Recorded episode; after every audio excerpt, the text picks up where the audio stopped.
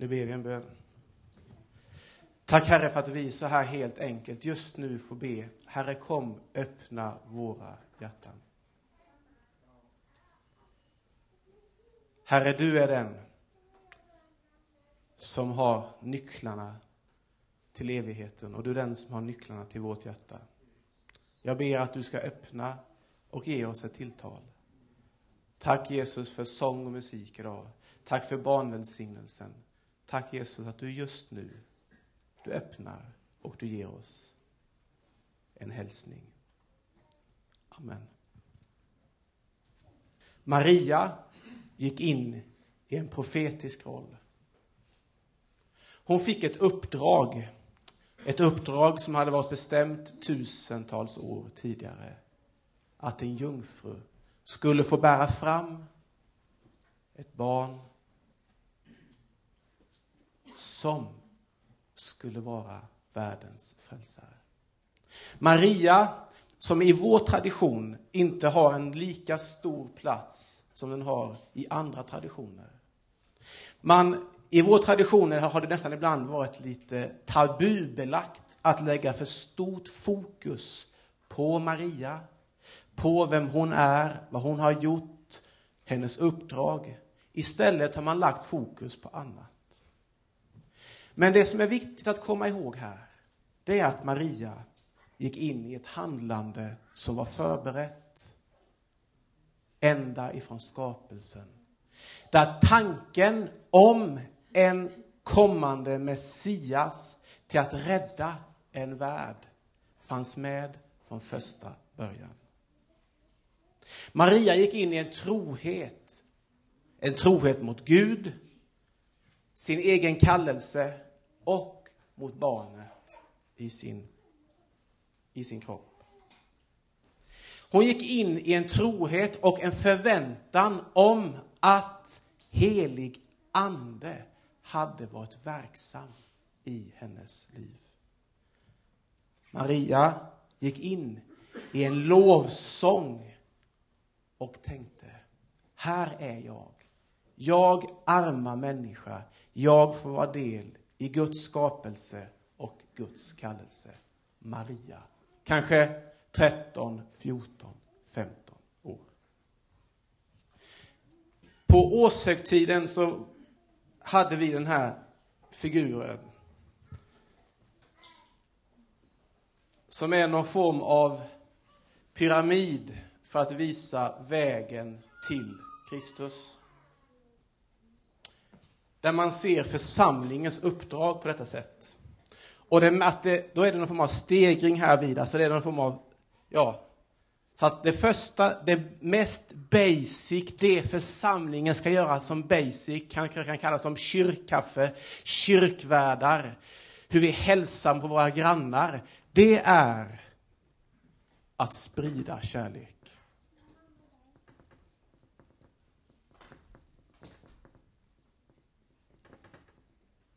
Det är det mest basic, det är det här församlingens, det är det mest grundläggande uppdraget. Gör vi inte det, ja då får vi nog tänka efter. Hälsar vi inte på varandra, ja då är det nog illa faktiskt. Ja, faktiskt. Ser vi inte varandra i ögonen och säger välkommen, då får vi nog se till och tänka efter vad har vi för plats och för motivation i vår församling. Nästa då punkt i det här, det är att liksom ta steget, att en människa kommer hit till vår gemenskap här vid. Att komma upp till korset längst upp. Det är alltså det nästa här i församlingen, det är att se behoven. Oj.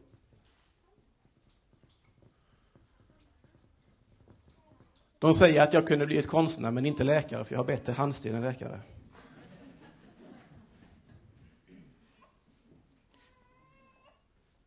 Alltså nästa, först ser man till att visa kärlek. Nästa steg, det är att se de behov som finns runt omkring. Alltså typ barn, scout, typ äldre, vårt RPG, typ bibelstudier, bibelstudierna vi har, typ familjer, äktenskap, vår äktenskapshelg, det vi ska ha nu till våren igen med Alf B Svensson. Alltså typ detta, typ.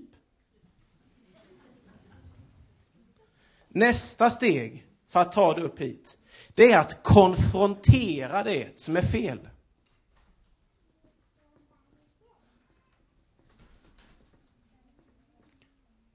Nu handlar det inte om att konf konfrontera den som lever i synd i första hand. Nej! Alltså nu är det ett ypperligt tillfälle att konfrontera dem som har makten. Varför de inte kommer överens om klimatmålen i Köpenhamn. Att konfrontera det styrande. Varför saknas det pengar på RIA? Att konfrontera sitt eget själviska jag. Varför skänker jag inte min åttonde ytterrock hemma till dem som behöver detta? Alltså man konfronterar det som är fel. Det kanske handlar om på jobbet. Den som snackar skit. Det är inte okej okay att prata illa om den när han inte är här. Att gå in i en konfrontation just för att visa på troheten att sprida kärleken.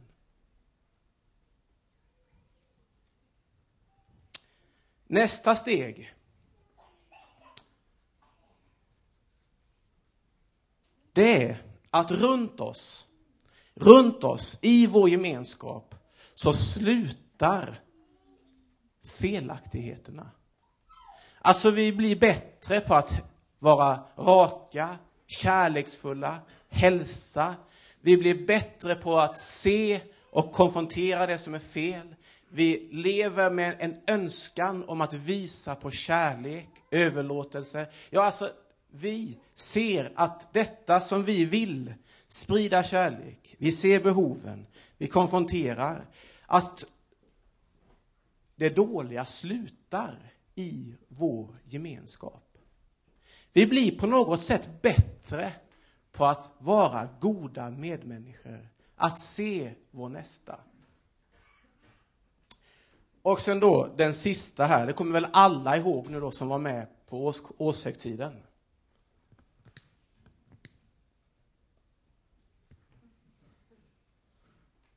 Det är att någon, att vi ska hjälpa till att finna Gud.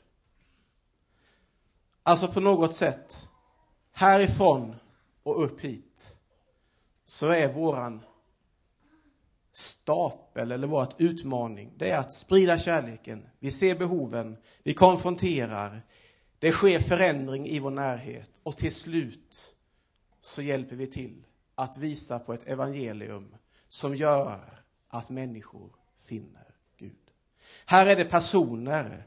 Det kanske är någon granne, här kanske det är någon arbetskamrat, här kanske det är att vi i församlingen håller på, liksom håller på och gör helt fel saker och ja, typ. Och sen så här så sker det förändring runt omkring oss. Vi blir förändrade. Och till slut, kanske efter fem års tid eller någonting, då får vi se hur frukten börjar komma och människor möter Jesus. John. Okej, Johan bad mig att eh, berätta min väg till tro på två minuter. Han ska knacka mig på axeln när det har gått två minuter. Fast nu sitter du där så det blir svårt. Du får sparka mig. Alltså, hur... Varför tror jag på Gud? Den frågan, om jag ska vara helt ärlig, har jag ställt mig ganska många gånger genom livet. Jag skulle nog säga att jag har varit kristen hela livet. Mina föräldrar är kristna och har haft en levande tro. Men just den frågan, varför tror jag? Den frågan har jag ställt mig flera gånger och jag har kommit fram till samma svar. Och jag tänkte jag tar det i slutet på mina två minuter. Alltså, hur hade min tro sett ut utan mina föräldrar? Den frågan kan man ställa sig. Mina föräldrar som, framförallt när det varit tufft, förlitat sig och eh, egentligen lämnat hela sitt liv åt Gud. När det varit tufft alltså. Hur skulle min tro sett ut om inte mina farmor och, min farmor och farfar hade funnits? Som har bett för mig varje kväll, och det är ingen underdrift. Varje dag, varje kväll. I min farmors sovrum finns bilder på alla mina syskon och kusiner och hon ber för oss varje dag. Hur hade min tro sett ut utan min farmor och farfar? som skjutsade mig till hockeyn, innebandy, fotbollen. Ni hör hur den veckan såg ut. Hur hade min tro sett ut utan mina vänner som drog med mig till kyrkan? Hur hade min tro sett ut utan min ungdomsledare som jag hade under mina tonår? Ja, förmodligen hade jag inte haft en tro. Alltså människor omkring mig har format min tro. Men svaret på frågan varför tror jag slutar alltid i relationen med Jesus själv. Alltså oavsett mina fa min farmor och farfar, mina föräldrar, mina kompisar, min ungdomsledare. Så är det ändå alltid, det kommer alltid, slutar alltid med det, att det handlar om mig och Jesus. Och den relationen är, är ärlig, så ärlig den bara kan vara. Jag minns, och nu är jag nog slutet på mina två minuter. Jag minns när jag en sen, eller en tidig sommarkväll 95 tog det där beslutet att följa Jesus. Det var på ett, ett scoutläger. Och de frågade, vill du följa Jesus? Och jag sa ja. Vi var fyra stycken. Samma uppväxt, samma kyrka, samma gäng, samma ungdomsledare. Och när ungdomsledaren frågade oss fyra, för vi gick ut ur det här stora tonårstältet och satt där i sluttningen, över den här sjön var det en, en dimma och det var sådär magisk kväll. Så frågade han, vill ni alla följa Jesus? Och han gick en efter en. Och vi sa ja, alla utan en person. Och jag tänker ofta på den killen. Han är inte kristen idag. Och jag tänker ofta att han var ärlig. Precis som vi andra tre var ärliga. Och det slutar liksom med det. Det handlar om mig och min ärliga relation med Jesus. Det är liksom där det slutar. Räcker det? Okej. Okay.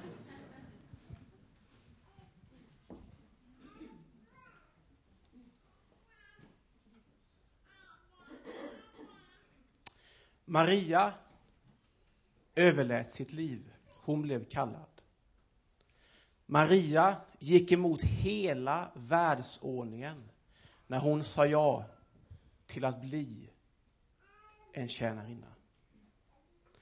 Alltså det mest simpla av de simpla, de mest utsatta av de utsatta väljer Gud till att utvälja för att föra fram en Messias. Alltså, ni vet att en ung tjej som blir havande utan att vara gift vid den här tiden, det är nog nästintill att bli helt utesluten från hela samhället. Hon var längst ner på hela världsordningen. Hela strukturen i samhället. Hon sa ja till att anta kallelsen och utmaningen.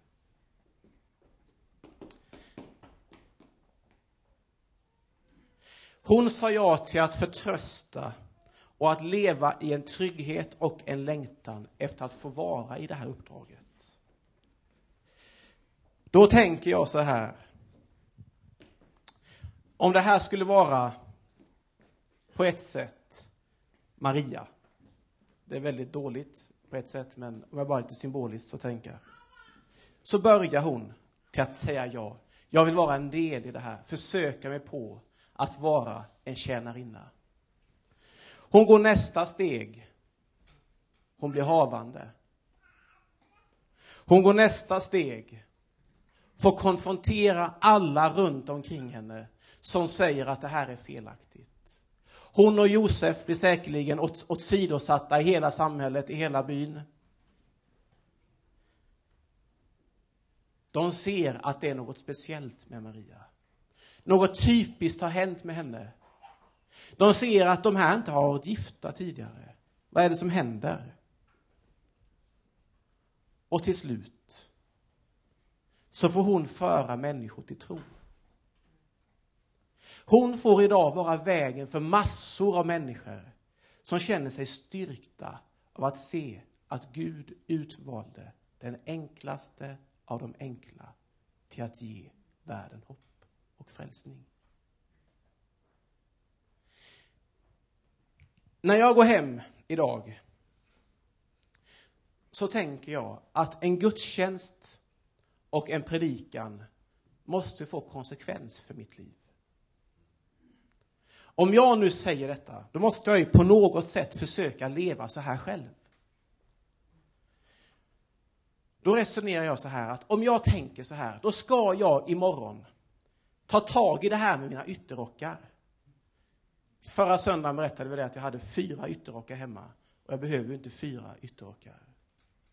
Att imorgon tar jag tag i mitt liv och går iväg och gör mig av och ger kärlek. Alltså på något sätt ge av mitt eget för att ge kärlek. För att när jag ger, då ger jag Gud plats i mitt liv att verka. Och jag tänker också att vi finns här idag. Alla till mans som tänker att det är ingenting värt i mitt liv till att tjäna i Guds rike. Jag har inte gåvan att som Eva stå inför människor och leda gudstjänst. Jag har inte gåvan att predika som Torbjörn Bastås. Jag har inte gåvan att organisera ett helt styrelsearbete som Bosse har. Var finns min plats i församlingen? Då förväntar jag mig att Guds ande verkar idag. Så att ni, var och en, känner att ni är med i Herrens kallelse att föra människor till tro. Så jag på något sätt förväntar mig nästan att Guds ande verkar idag och i natt. Så att ni imorgon tar ett nytt steg ut i den lite otrygga skaren och tar ett steg att vara en kärleksspridare.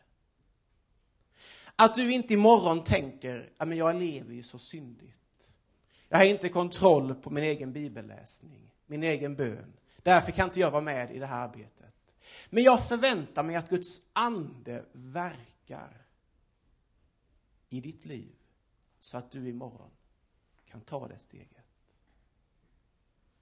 Och jag förväntar mig att vi som står på något sätt i ledande positioner i vår församling, att Guds ande verkar i våra liv. Så att vi på något sätt kan styra en riktning så att människor får se Guds kärlek. Alltså kan man säga att man förväntar sig, inte av er i första hand, men av Guds ande kan jag förvänta mig att han verkar i era liv.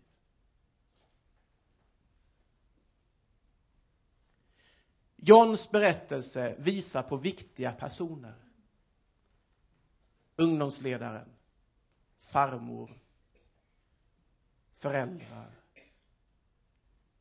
Inte i första hand stora kyrkor, fantastiska predikningar. Nej, personer. Vi här idag, vi är sannerligen viktiga för människor att en dag finna Jesus Kristus. Det som inte var någonting i världens ögon, det utvalde Gud till att ge världen en frälsare. Amen. Herre, vi tackar dig för att vi så här helt enkelt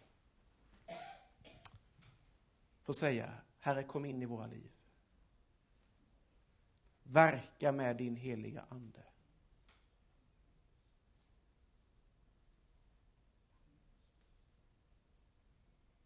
Vi tar en stund i tystnad.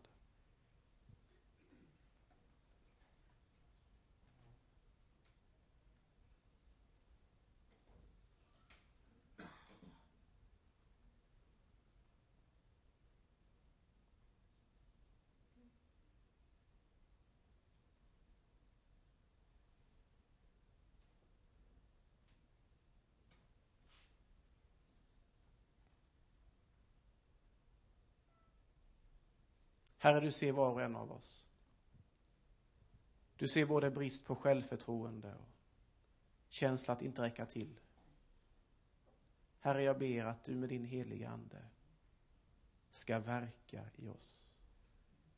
Ska tala till oss. Så att vi tar ett steg ut. Och vågar ta, ta för oss och visa kärleken som visar på dig. Herre, kom med din heligande. Amen.